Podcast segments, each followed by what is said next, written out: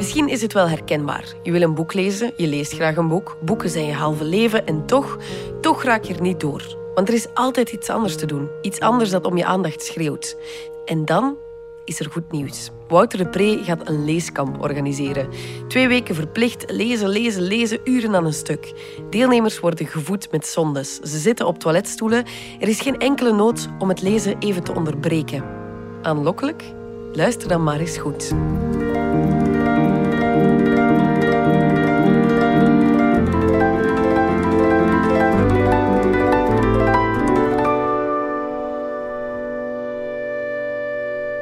Al drie weken lees ik aan hetzelfde boek en ik besef dat het zo niet verder kan.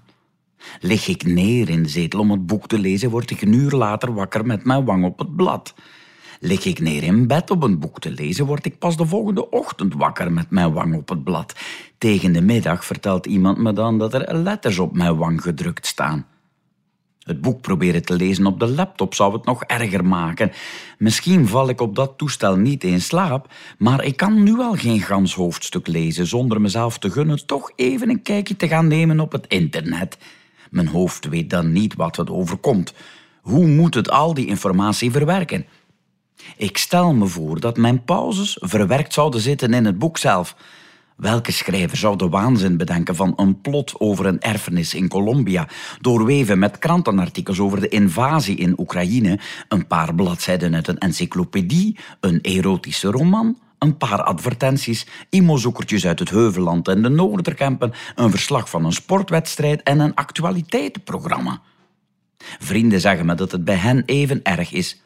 Franks laatst uitgelezen roman dateert uit 2019, schat hij. Onze kinderen lezen al helemaal niet meer. Boeken kopen doen we wel nog. Peter zat nu met een leesachterstand van 212 boeken. Nele schatte dat ze boven de 300 zat. Karel had er maar een tiental, maar de Bourgondiërs en Congo zaten er wel nog steeds bij. En toen we doorvroegen, gaf Karel toe van Zwerm van Peter Verhelst nog maar de eerste twee hoofdstukken te hebben gelezen. Misschien zat Karel dus wel in de meest penibele situatie van ons allemaal. Ik ga leeskampen organiseren voor mezelf en mijn naasten. Twee weken in de grote vakantie. Zonder verwittiging worden we op een mooie zomerdag op straat neergehaald met een verdovingsschot. Zachtzinnige ontvoerders leggen ons op de leesbus. Onze digitale toestellen blijven thuis. De bagageruimte van de bus zit vol bananendozen met onze leesachterstand. We worden wakker op een geheime locatie. We zitten allemaal naast elkaar op rechte stoelen, elk in een dwangbuis. We hebben geen uitzicht dat ons kan afleiden. We kijken allemaal recht vooruit. We zijn afgescheiden door wanden, waardoor wij geen oogcontact kunnen maken. We krijgen oordoppen ingepropt. Niemand zit in direct zonlicht. Slaperig worden is uitgesloten. Voor ons staat een pupieter met een achterstallig boek erop, met voorgekraakte rug. Lezen, lezen, lezen. Uren aan een stuk. Eén arm hebben we vrij om bladzijden te draaien. We worden gevoed met zondes. We zitten op toiletstoelen. Er is geen enkele nood om te onderbreken. Verzorgers halen de volle schuiven van onze toiletstoelen van onder ons vandaan indien nodig.